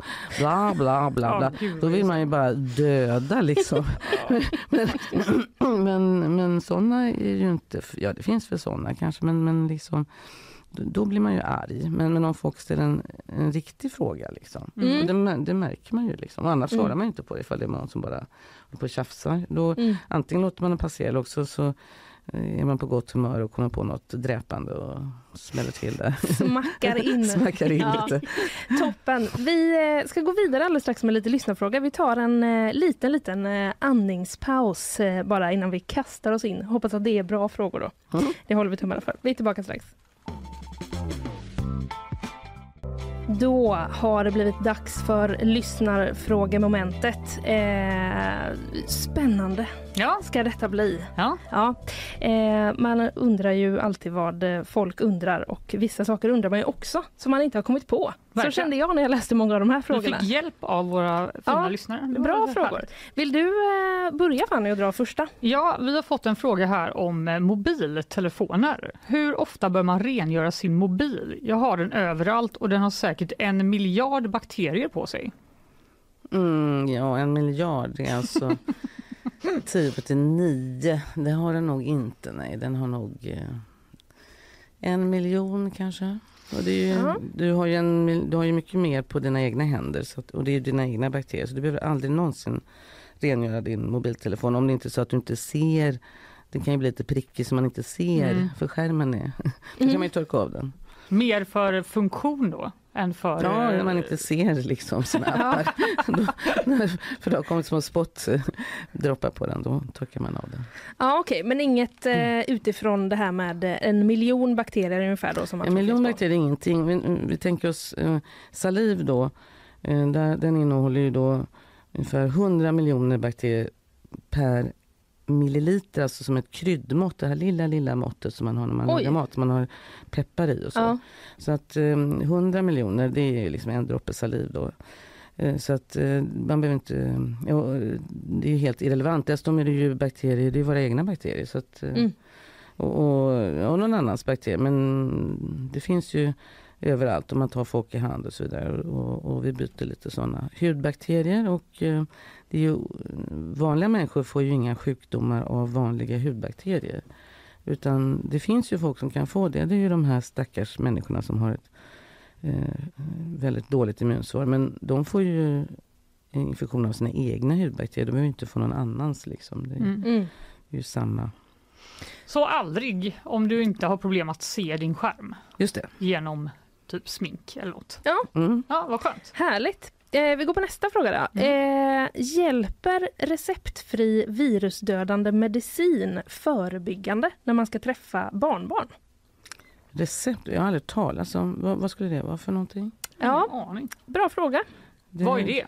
Det, det kan jag inte tänka mig. Alltså, ehm, det är ju lite tjat nu, för nu har det ju kommit en, eh, en sån här, alltså förebyggande är det ju inte, utan det är ju frågan om, eh, det finns ju alltså virus är ju mycket svårare än bakterier att eh, komma till bukt med genom läkemedel. För att de, det är ju våra egna celler som tillverkar nya virus. Virus Mm. lever ju inte utan de tar sig in i våra celler eller tas in och så är det vi som kopierar upp dem. Och om man då ska hindra det, då måste vi ju liksom gå in i våra egna celler och hindra våra egna celler och kopiera upp virus. Och då, det betyder att vi själva ofta tar stryk av detta då. Till skillnad från antibiotika som är mot bakterier. Bakterier är levande varelser. Du har massor av grejer hos bakterier som vi helt saknar som du kan angripa med Mm. läkemedel. Då. Men ehm, då har det kommit ett eh, virusläkemedel mot covid. Men eh, då säger man att nej men det ska vi ha till de här människorna med dåligt immunsystem. Och, så här. och då är det en Mm. del som är sura och tycker att de kan väl få det här. Och det, det kommer säkert vara så. Om fem år är det naturligtvis billigt och alla kan köpa det och så. Men för närvarande är det, är det bara för folk som är i stort behov. Mm, all right. Eh, jag, jag fastnade lite i det här med att kroppen kopierar upp eh, Mm. virus. Alltså Mm. Det fick mig bara att känna så. Det har ju aldrig någonsin hänt att en kopiator har liksom funkat när man inte vill att den ska funka. Det kändes bara så, här, så bakvänt. Mm. Ja, eh, Så kan det gå. Så kan det gå. Fanny, eh, nästa, nästa fråga. Kanske du är lite... Ja, nästa fråga är ett personligt påhopp på mig nämligen. Eh, är det trams att ha SPF 50 i ansiktet under vintern eftersom man inte vill ha rynkor? SPF det är, är det solskyddsmedel. Solskyddsfaktor. Ja det är ju helt meningslöst. Du kan, den, den solen som är på vintern den, den är ju så lite, det är så lite UV-strålning då så att den kan inte påverka. Men det kan ju inte Din- skada heller tycker jag. Ja, Nice save. Jag skulle nog säga att eh, det är nog större, större sannolikhet att sån här klet man stoppar i ansiktet är dåligt för huden än att det är bra. Om vi nu Ja, just det. det, det finns liksom ingen anledning att anta att vi har en hud som vi har eh, evolutionerat under någon miljon år och, och liksom att, att du skulle hitta någon, något klet som skulle fungera bättre än det, det är ganska naivt. Alltså, Men solen är ju, nu har vi ju ingen sol då Nej, vintern. precis. Solen- Men solen är ju i stort ändå farlig för huden. Absolut, men man ska inte ha solskyddsmedel då, utan man Nej, ska ha Ett en paraply hatt istället. Ja, precis. För att eh, det är ju faktiskt så att ehm, det, det är ju en hemsk chock för folk, för det, men det är ju så att det är aldrig visat att solskyddsmedel minskar risken för den här farliga cancerformen, malignt melanom, den som ökar mest av alla cancerformer överhuvudtaget i Sverige då. Och, ja, kommer väl att bli den vanligaste så småningom och den beror enbart på att man solar. Mm. Och det hjälper ju Mm. inte alls med att ha solskyddsmedel. Solskyddsmedel togs ju fram för att eh, undvika den här eh, akuta inflammationsreaktionen när man blir röd och svullen och får ont och så. Mm. Och det funkar ju eh, mot den, men det är ju inte den som ger den här cancern förmodligen, utan det är mer eh, en, en annan sorts strålning och så. Så att det här är Mm. total eh, lur, att folk går och klättrar in sig med det här och så tror de blir skyddade. Det är väldigt eh, otäckt faktiskt. Mm. Så därför tycker jag det är bättre att man eh, slänger alla de produkterna. För att då, då inser man att man kan inte vara ute i solen mer än en viss tid, för då bränner man sig. Mm. Och det är ett skydd. Ja, då märker man själv. Då märker man det själv. Det här är farligt att hålla på och klättra in sig. Sen måste man ju ibland klättra in liksom näsan eller om man seglar. Alltså det finns ju vissa, om man cyklar så måste man klättra sig på händerna eller om man inte har handskar. Men, men man ska till varje pris försöka minimera användning av detta. Och man Mm. ska aldrig någonsin tro att detta är ett bra skydd. Eh, För det är det inte. Det är kläder och skugga Mm, som eh, mm, skyddar mm, mot mm. sol egentligen då. Jag har en sån här eh, ful eh, golfskärm på mig, det är väldigt bra. Mm. Ja. Just det. Den är Just mörk det. på undersidan också så det reflekterar inte. Nej. Så då kan man gå omkring med den så skyddar man näsan och ögonen. Och, Det kanske blir liksom nästa influencer-grej, att alla börjar samarbeta med företag som säljer så jättestora kaftaner Mm. och stora Snyggt solhattar. Ja. men det är intressant för att det, det, det, det är liksom hjälper ju inte. Vi har ju någon sån här inbyggd längtan efter sol så att det spelar ingen roll att eh, Mm. liksom all forskning och så vidare och man bara vill inte ta till sig det och, så, och då har man hittat på den här eh, snuttefilten med att man kan kleta in sig i de här grejerna. Det finns du kan ju naturligtvis ta sån här zinkpasta som är, det är ju inget, det är ju som ett liksom det är som att gå in i, med aluminiumfolie, det fungerar ju. Men, Mm. men de här som inte du blir alldeles vit av så, så mm, SPF är trams helt enkelt. Det var ju tråkigt eh, för mig. mm. Men, I vissa sammanhang i alla fall. Ja, exakt. Ja. Eh, all right, vi går på eh, nästa direkt. Den här tycker jag är eh, eh, spännande. Mitt ex med högt melanin påstår att hans hud suger åt sig mer bakterier. Det måste vara fel? Frågetecken. Ja, huden suger ju inte alls åt sig bakterier. Det är ju det som är så bra med den. Den är ju gjord för att eh, hålla nere bakterietalen då. Om den är torr, om man inte håller på och blaskar för mycket och tvättar sig och, och med massa tvålar och grejer så, så har ju huden ett fantastiskt system då. Dels har det en massa eh, cellager eh, som då bildas nerifrån och skjuts uppåt hela tiden. Och de sitter ihop väldigt eh, nära hoplödda ihoplödda liksom, så att bakterierna inte kan komma in emellan. Och så dör de och stöts av med de bakterier som sitter på. Så hela tiden kommer det nya fräscha celler underifrån. Vi stöter av dem med gamla bakterier på då.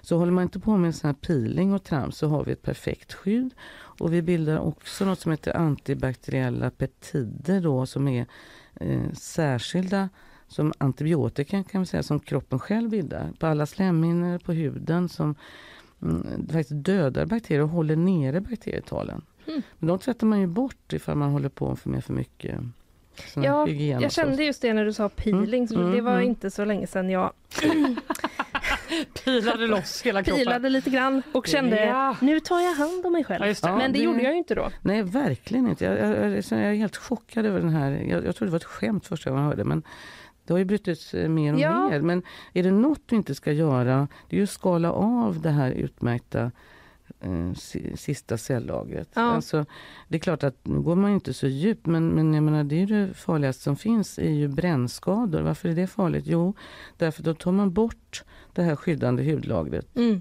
och då får du en yta eh, som är fuktig och näringsrik där, och du blir överväxt av bakterier. Och, och de dör ju, det är ju den största dödsrisken för dem är ju att de eh, blir så koloniserade med bakterier för att du inte har det här skyddande lagret. Mm. Och så har man hittat på någon skönhetsindustri som, som försöker till varje eh, pris skala loss det här. Nu går det ju som tur inte då, va? men, men Mm. det är ju inte klokt. Och så kallar man det hudvård, det är inte klokt. så man Ja. behövde vårda Ah. alltså, frisk hud.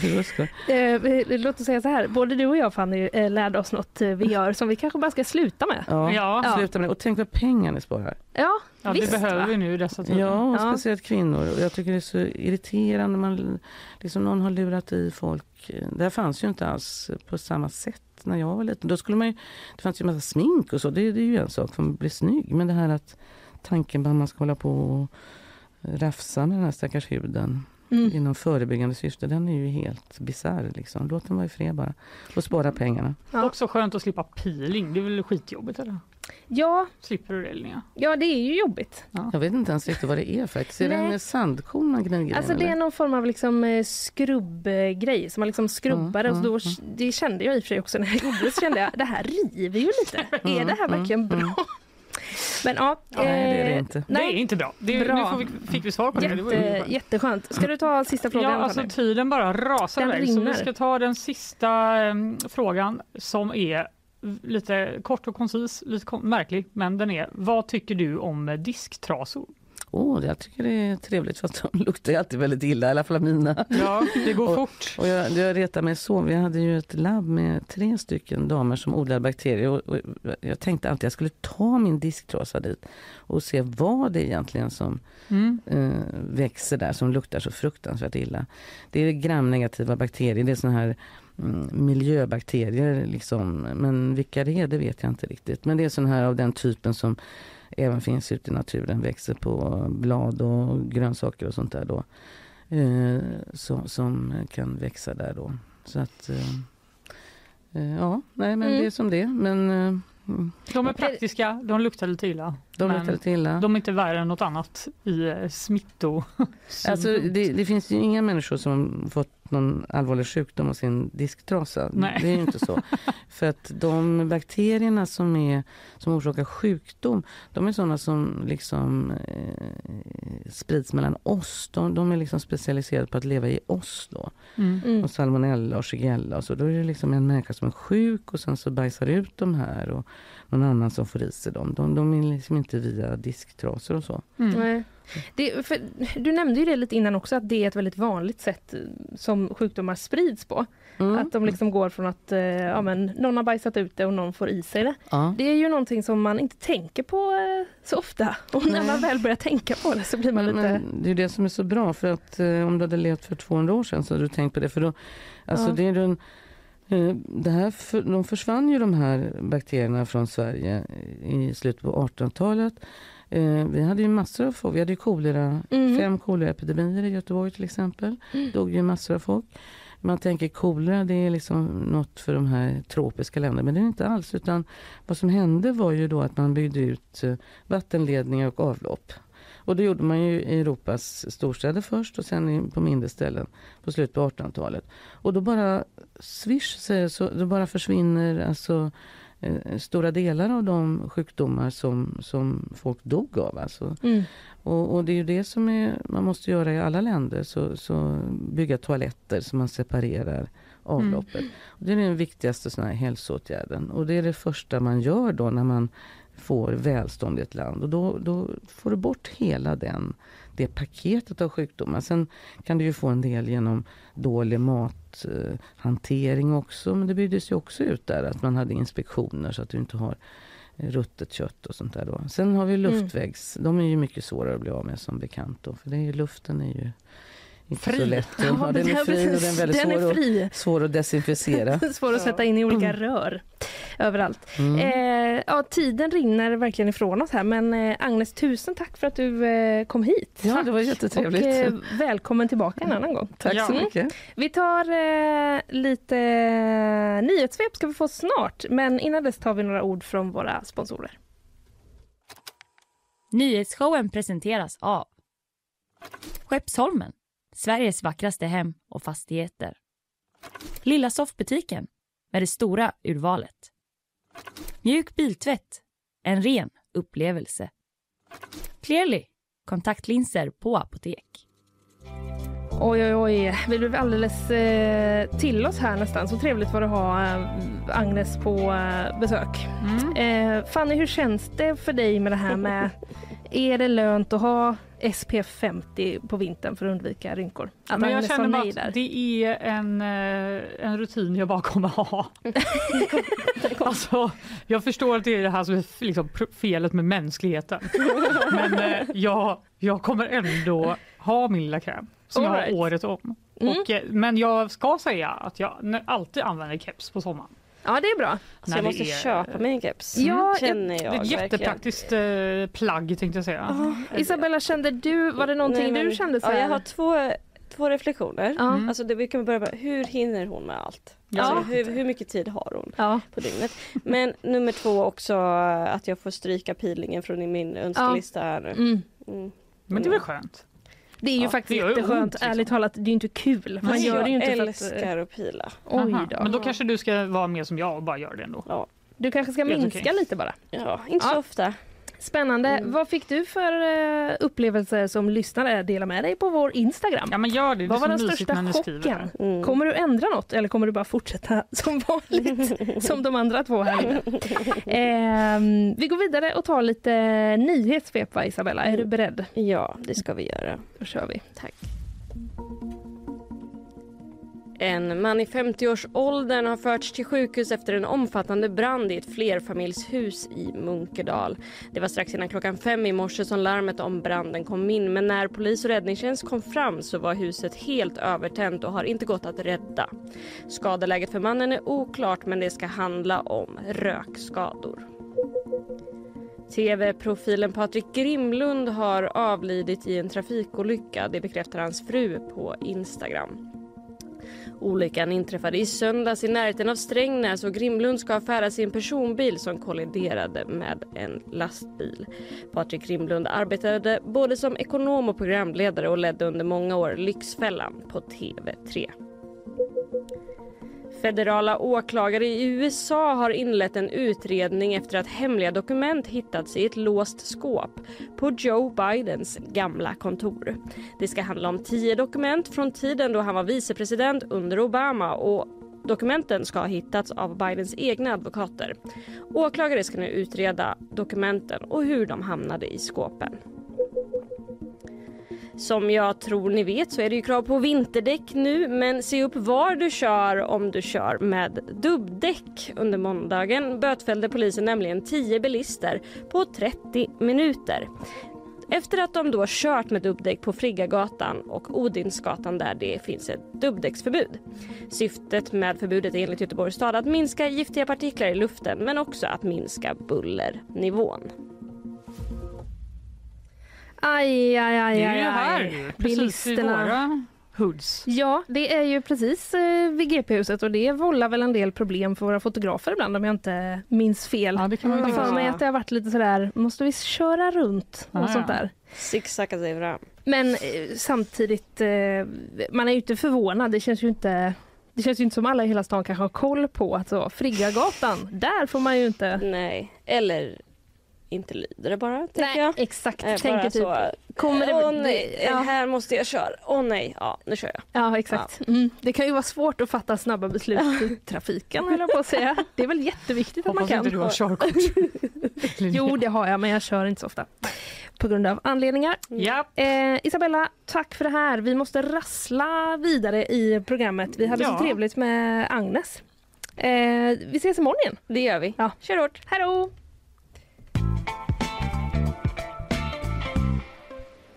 Lite kortare bumper tog jag där. Ja, det var bra. Så Mm. vi skulle hinna med. För Exakt. jag tänkte ju prata om en lyxklubb på Östermalm nu Ja. och det vill du väl inte missa? Nej, det vill jag absolut inte missa. Nej. Du, eh, jag såg ju dig hur du såg ut när du förberedde det här och du såg väldigt eh, koncentrerad och eh, engagerad Ja, ut. jag sögs in Mm. i den här typ lilla granskningen som Expressen har gjort av eh, den exklusiva medlemsklubben V Social Club.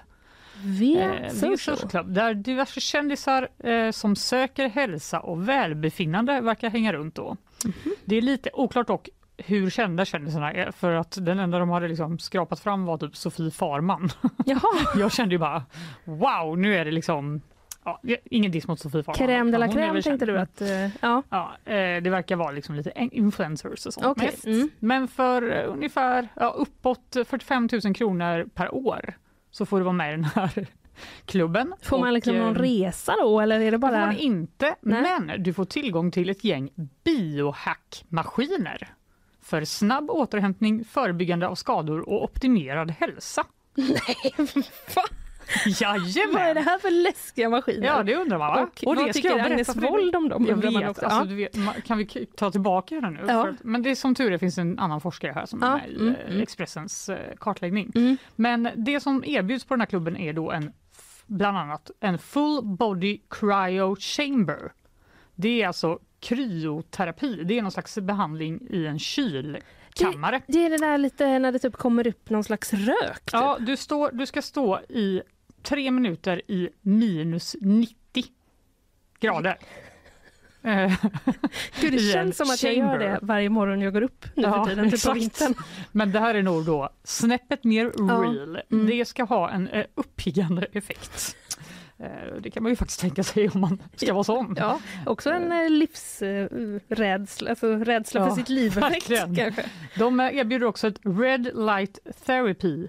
En Red Light Therapy Bed, det vill säga en säng där man kan få eh, rödljusterapi vilket ska ge positiva resultat för smärta, muskelhälsa, hudkvalitet, sömn och har eh, nästan total brist på biverkningar och hälsorisker enligt klubbens hemsida. Nästan total brist.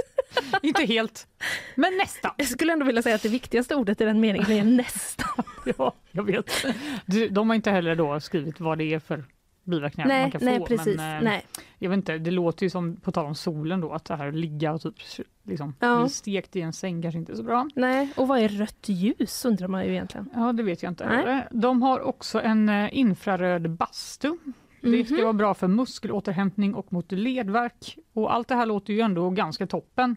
Men tyvärr då har Expressen också intervjuat Jessica Norrbom som är forskare och lärare i fysiologi på Karolinska institutet. Ja. Och hon säger det är mycket flum i biohack. Mm. Ja, forskningsläget är väldigt oklart kring vilka s- hälsoeffekter de här biohackbehandlingarna kan ha. Hon är inte övertygad om de eh, resultaten som finns. Biohack låter lite coolt, säger hon. Men en risk kan vara att man bara gör av med pengar i onödan och att man luras att tro att man måste köpa produkter och göra förändringar baserat på felaktiga premisser. Ja, Karl skriver också, vad sköra de är kändisarna. Ja, de kanske bara de här älskar sina kroppar väldigt mycket och Ja. typ känner efter, tänker jag. jag sj- själv Kanske. kör man ju bara på. Alltså det, Hoppas att man inte faller ihop Men det i kan ju- slutet av dagen. Det kan ju vara både och. Det kan ju både vara en, det kan ju vara en största fiende att känna efter. Ja, verkligen. Typ under när det var som mest covid och man bara, hur är det i halsen? Verkligen. Ja. Jag känner en liten rasp här Ja, längst bak. visst. Men de har ju helt enkelt frågat den här forskaren då, Mm. eh, Jessica Norrbom, eh, vad tror du om den här kryptoterapin till exempel? Då säger hon effekterna då, eh, de uppiggande effekterna Ja. kan vara att kroppen helt enkelt stressas när den blir kall och det kan ge en känsla av uppiggande. Och det eh, låter ju jätterimligt tycker jag. det är Ja, klart att om du att står i minus 90 Ja. i tre minuter så händer ju någonting. Ja, det, ja, det kan inte vara så att det inte händer bara, någonting. Du får vara väldigt liksom eh, balanserad eller vad man ska säga för att det inte ska hända någonting. Exakt. Det känns nästan som att det vore oroväckande. Eh, ja, jag känner också det. IR-bastun säger hon också, ja den kan användas som ett sätt att slappna av men den har inga eh, undergörande effekter alls. Nej. Eh, så det verkar väl mer vara så här, det är säkert lite kul och kanske skönt att eh, typ utsätta sig för de här olika behandlingarna. Ja. Men det känns mer som att det handlar om lifestyle. Ja, visst det gör ju det. typ hälsa Om det också kostar se. 45 000 kronor i månaden. per år. Per år? Ja, tack. Det, var bara, Men det är ändå sjukt mycket. det är ändå mycket pengar. Stockholmare va? Ja. Så de håller på. Ja. Akta i backarna. Ordet katastrof ska vi inte använda i de här sammanhangen. Nej, kanske det, inte. det är jordbävningar och lite Ja, andra jo, det är sant. vi Men, men det använder du och, och Nej, inte jag längre. Och, och Aldrig. det tror Inte jag under de aldrig senaste gjort. åren. Ah, Finns okej. inte. En lite kort eh, grej. Eh, Expressen är jag också på eh, och läser nu då. Eh, snowboardåkare gripen. Rammade alla i liften. ja, alltså det här är... Det här var en, eh, det är en nyhet som består nästan uteslutande av en video. kan Ja. man säga. Det är då någon som har filmat eh, en person som åker eh, ankarlift med snowboard som stöter på lite problem Mm. och ramlar helt enkelt i den här liften. Sen så då glider den här personen helt okontrollerat eh, ner och liksom slår i typ alla andra eh, som åker i den här liften. Eh, och det, det kan man tycka så bara, åh det är ju ett sånt eh, funny fail på, eh, på liksom eh, Youtube. Eh, också typ så här, det är sånt som händer. Alltså jag har ramlat i en ankarlift med en snowboard. Ja, men ofta så... La- Jag lyckades ju i och för sig styra undan så det var Ja. ingen annan som blev skadad. Liksom. Det är mer Men, den här ehm, snöbollseffekten av att alla Ja, Åkte på det liksom. exakt. Man tänker ju så. Men det är då, den här personen då är nu misstänkt för vårdslöshet, skriver Expressen. Det här ska ha skett i Österrike. Eh, och, eh, det, och personen ska då ha liksom flytt platsen efter Ja, olyckan. men av skam uppenbarligen. Ja, det skulle man ju gissa på, eller vad säga. Eh, men det var faktiskt också så att fyra personer ju, som behövde föras till sjukhus Nej, efter det här. Ja. Jag, jag kan liksom inte släppa den här grejen bara för att jag tycker det känns så... eh, Det känns liksom som att typ, det hade verkligen kunnat vara jag. Ja, det men finns också, en liten relaterbar Ja, del av det. det finns det, men också typ kan man inte liksom eh, att man bara fortsätter rakt ner och träffa liksom person efter person, att man inte lyckas någon gång typ svänga åt sidan. Ja, det är eh, det är, det är det enda jag har. Det är det som har hänt. Ja. Ta det väldigt försiktigt. Försök kasta er åt sidan. Ja, Det går ändå att göra det. ja, det, ja det, man får, eh, man får eh, göra sitt eh, bästa. Han var ju, lite, han var ju då en, en, en, en, en, ruler, så att säga, eh, på ett annat sätt än en, en, en demokratisk stat. Men han, hade, han är väldigt, väldigt öppet. Istället för nära. Det blir ett totalt missförstånd. Ingen, ingen, man måste ju vara där och se det här, hur det fungerar. En ruler. En ruler. Mm. Du, det finns de som menar att punken, eller i alla fall eh, rocken, är på väg tillbaka. Jaså? Ja, men tyvärr har jag nu det ultimata beviset för att punken är död. Och det är att den legendariska Johnny Rotten, Ja. du ser helt tom ut. Ja, Men, eh, John jag- Lydon som han heter egentligen då, Ja. han vill tävla eh, om en plats i årets Eurovision Song Contest för Irland. Ja, alltså jag skäms ju typ Du, eh, du lite. kanske bara men, inte är eh, en punktjej. Nej, det kan man verkligen inte Och du är kalla också mig. så fruktansvärt ung. Men jag, jag kan ju berätta då Alltså att... så fruktansvärt ung är jag faktiskt inte. Jo, det är du. Det är du som är jättegammal. Nej! Nej, jag skojar. Karl! Säg till henne! Han är ju ännu äldre. Ja, exakt. Han borde ha sympati med mig. Nej, men det var inte så att jag levde på 70-talet när Nej. Sex Pistols som eh, Johnny Rotten då Ja, var nej, eh, medlem i Det gjorde du inte. eh, fanns. Men han och eh, Sid Vicious då är de kända frontmännen Mm. i Sex Pistols. Sex Pistols är ett av liksom, punkhistoriens mest Ja, men inflytelserika det känner jag ändå igen. Ja, eh, och Sid Vicious dog då tragiskt av en överdos i slutet av 70-talet och eh, Sex Pistols hade redan splittrats då och Johnny Rotten bildade ett nytt band, Public Image Ltd. Och det är Mm. de då som nu vill tävla i Eurovision. De ska delta med låten Hawaii som... Eh, Det är inte ens ett coolt namn. Nej, det är väldigt konstigt namn. Men det är en hyllning till John Rottens fru som har drabbats av Alzheimers. Den här tillägn- tillägnas alla som går igenom svåra tider på livets resa tillsammans med den person man bryr sig mest om, säger 66-åringen till The Mhm. Guardian.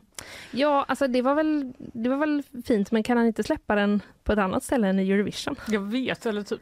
Vad känner du då? Liksom? Vad, hade du för, vad har du för relation till den här personen och hans musik och hur känns det att den nu ska vara med där? Men ja, det är väl som alltid när det är någon så ikonisk, väldigt viktig person som typ seglar upp då, Mm. eh, nu 66 år gammal och bara “jag har gjort en låt, Hawaii, den kan väl vara med här i Eurovision?” Man bara, “va? Du var ju liksom den coolaste människan som någonsin Ja. har levt. Mm. Du måste du göra det här. Ja. Kan du inte bara Hålla tyst. bara fejda in i, ja men hålla tyst Ja, faktiskt. mm, Det, man måste liksom inte bara fortsätta av, eh, och också att, jag menar, förlåt alla Eurovision-fans out there, men det är ju liksom inte det coolaste programmet. Det får man verkligen säga att det är det inte. Om du är en punklegend. Ja. Men vi får se, de det är har väl också, alltså... Är det inte liksom typ emot själva definitionen av punken Jo, att vara med? Det får man verkligen säga. väl, ja. Eh, Men nu är det ju så att de vill hit- hittills bara vara med. De har ju inte Ja. ens fått eh, då, de har inte vunnit än. Nej just det, för det måste ju bli något lands bidrag i så fall. Exakt, Ja. Irlands. Irlands. Så den 3 februari så ska de då tävla mot de andra irländska bidragen i deras Mhm. melodifestival för Mm. att representera landet eh, då i Eurovision som tydligen hålls i Liverpool i maj. Mhm. Eh, Och Irland, lite bara rolig information. Eh, De har totalt sju vinster och 18 topp 5-placeringar i Eurovision och är därför det mest framgångsrika landet i musiktävlingens historia. Ja, Men det ringer en klocka nu när du säger det. Är det sant? Ja. Hade ingen aning. Kan inte säga undra- någon Nej, det kan inte jag heller. Men typ, det kän- jag känner igen att så Irland är bra tydligen. Ja. På eh, musik. Men eh, punken är död och eh, låt oss alla hoppas att han inte går vidare. så vi slipper se det här. Så Fanny slipper bli ledsen. Ja. Vi har gjort ett jättemisstag i vår kalkyl. Där vi tänkte det skulle regna ett par dagar och går folk och handlar. Vi vågar inte räkna med att vi skulle ha brasseväder i hel vecka. Alltid en chock. Alltid en chock, det roliga. Man trycker på en knapp, det kommer en bumper. Man tänker, vad är det här för spännande? Ja. Härligt. Eh, Vi ska... eh, Vi börjar, vi börjar liksom närma oss vårt slut, men jag vill eh, peta in en grej till. Så kanske du... Har du en till att dra sen, Fanny? Ja, jag har om vi hinner. Men Den är ganska kort. Ja, men det är min med. Då tar vi två små korta godbitar här i slutet. Eh, nu kommer regnet till Göteborg. Nej, men. Hela veckan! Linnea. Yay! Men har det inte bara varit regn skitlänge? Alltså det har väl inte varit ordentligt Jag regn? kan säga att igår gick jag två timmar promenad i ösregn. Oj! Ja. Vad motiverad du måste ha varit. Ja, jag tog upp med min hund och min barnvagn. Ja, inte ditt barn. jo, just det. Ja. Men hon sov. Lämnade du jag henne hemma? inte på det. Nej. När man typ har gått en bit och bara, vänta lite nu. Var är min tio månaders bebis? Hon är väl hemma. Så jävla hemskt. Det är verkligen dags för förälder nummer två att ta över. Ja, på nu är det dags för ombyte Kämpa. i eh, familjebutiken eller på att säga, jag vet inte. Ja. Eh, nej men du, vi, i helgen så hade vi snö. Ja, jo, det, Det uppmärksammade du. Mm, Mm, ja, mm. Det, var inte kvar eh, länge men det är nu en regnig och ruggig vecka som eh, väntar göteborgarna. Vecka två då, det kommer enligt SMHIs prognos bjuda på en hel del nederbörd och mulet väder. Eh, så det är det vi har helt enkelt. Mul, eh, mulet och disigt idag. Men eh, just idag mest uppehåll i Göteborgsområdet tyvärr. Det var som att du tog tillbaka hela din nyhet. Okej, Nej, men det är idag nej. man ska vara ute helt enkelt. Nej, men det, kommer och, det kommer och jag drabbades av en känsla av så här, försöker jag läsa väder? För att det blev så där eh, mestadels uppehåll väntas i bla bla bla. Ja, jag förstår. Ja. Eh, nej, men sen kommer onsdagen och då, då kommer regnet. 14,9 millimeter regn. Oj, oj, oj. Mm. Fy. Jajamän, så att eh, imorgon gäller det alltså att eh, ja, stanna inne. stanna inne helt enkelt. Det känns för bökigt att göra något annat liksom. Jag håller med. Känner du till Noma? Eh, nej, det tror jag inte. Det är världens bästa restaurang enligt väldigt många. Mhm. Och eh, den har, ligger i Köpenhamn. Ja. I alla fram, fram tills eh, nästa år. För nu har de, den här lyxkrogen eh, gått ut eh, och berättat att de stänger ner i sin nuvarande skepnad. Oj! Ja, och det är delägaren och kocken René Redzepi som säger till New York Times att det är svårt att få ek- ekvationen med hög kvalitet och god ekonomi och en välmående personal att gå ihop. Mhm. Och det känner vi väl till. Ja. Det är det eviga problemet på alla arbetsplatser. Men eh, faktiskt var det så att det, Noma gick back 2021 eh, trots Mhm. att de fick statligt stöd och trots att de serverade lunch för 3500 danska kronor. En lunch för 3500 danska kronor. Ja, så är det på de eh, finaste... Jag håller på att dö. Först har du en liten lunch på Noma, sen sticker du till den här biohack-klubben. Så, och bara lägger dig i en sån crypto chamber. Sen är det, det är livet på en pinne. Men jag kan inte ens förstå hur man kan lägga 3000 Vadå på en lunch? Ja men, ja, men det är ju den godaste lunchen som någonsin har gjorts. Eller? Det kan säkert vara, det kan säkert vara jättegott, det är bara, eh, och typ då, hur de inte kan få ihop det. Ja men det kanske var därför de- då. har de fått att folk bara, nej men Ja. vi vill inte betala så mycket. Nej men jag tror att, det, jag tror att folk betalar, alltså, eh, jag vet inte vad det kostar att äta det på kvällen. Nej. Men du kan ju tänka dig. Ännu mer då ju. Ja, verkligen ännu mer. Men nu stänger de från och med 2024 och då kommer de eh, inte ha, ta emot gäster på samma sätt för de ska förvandla Noma till ett gigantiskt matlab. Jaha! Ja. Eh, Okej. Det ska bli ett stort laboratorium med ett banbrytande testkök där nya smaker ska utvecklas. Mm. Det låter lite som så här att de ska börja göra frysrätter. Ja, Typ för de det sjukaste fram. är att eh, det står så här, de- ska sprida sin mat ännu vidare och det verkar vara att de eh, kommer göra olika pop-up restauranger typ över hela världen och det tror jag att Noma har gjort innan. Att de är så här, nu är vi i Kyoto och lagar lite mat som är influerad av Kyoto. Men enligt New York Times så kommer Nomas verksamhet kretsa kring att utveckla nya produkter för e-handeln. Det låter ju bara som Va? frysmat, eller? Ja, det låter ju som frysmat man köper på internet. Eller sådana du vet, ja, eller hur? Eller att man är så här på ICA bara, Nomas eh, dumplings, typ. Ja. I en sån kyl. Ja, just det. Så kan det vara. Typ så fryst åttapack med dumplings. det, Alltså- känns som att, det känns verkligen som att de ändrar sig eh, ganska mycket från sitt tidigare koncept. Då. Ja, det är eh, verkligen, eh, jag vet inte. Men jag tror att vi får se, vi får inte följa den här utvecklingen för det är liksom världens Ja. bästa, kanske kändaste restaurang som har haft liksom, störst inverkan på mat. Hur länge har den funnits? i- Typ? Jättelänge eller? Ja, i alla fall i tio år. Jag vet Ja. inte, säkert längre. Men eh, vi får se. Jag tror att det kanske kommer bli, det kanske säger någonting mer om liksom fine dining scenen Mm. eh, och hur den ska ta sig framåt i, i framtiden. En trend är det någon som håller på och spanar Kanske upp får ta hit någon som kan något mer så kan förklara varför lunch kostar 3500 Ja, danska tack. och eh, vad det kan betyda. Väldigt gärna vill jag eh, veta det. Eh, jag kommer att gå vidare från den chocken. Eh, eh, har man liksom kommit in lite nu på slutet kan det vara trevligt att veta vad har vi snackat om hela resten av morgonen? Ja, Ehm, ja, det har varit lite Folk och Försvar. Eh, Gånger två. Gånger två, precis. Det är väldigt eh, hett nu eh, på försvarskonferensen där uppe i Sälen. Och sen eh, pratade jag lite om elstödet också. Sen hade vi ju Agnes Wold här. Och det hade vi sannerligen. Det vill man inte missa. Nej. Mycket matnyttigt eh, spännande som kom fram där. Vi pratade lite om att eh, det snart är tioårsjubileum för hennes eh, Twitterkonto. Det tycker jag var roligt att hon inte hade liksom spanat in det själv. Men hon såg glad ut. Ja, hon såg jätteglad ut. Ja. Eh, allt detta och eh, mycket mer får man i podden som kommer ut här alldeles strax eh, så fort eh, vi har hämtat oss från de dyra lunchpriserna. Imorgon är vi tillbaka igen. Ja. Tack för idag Fanny. Hej då!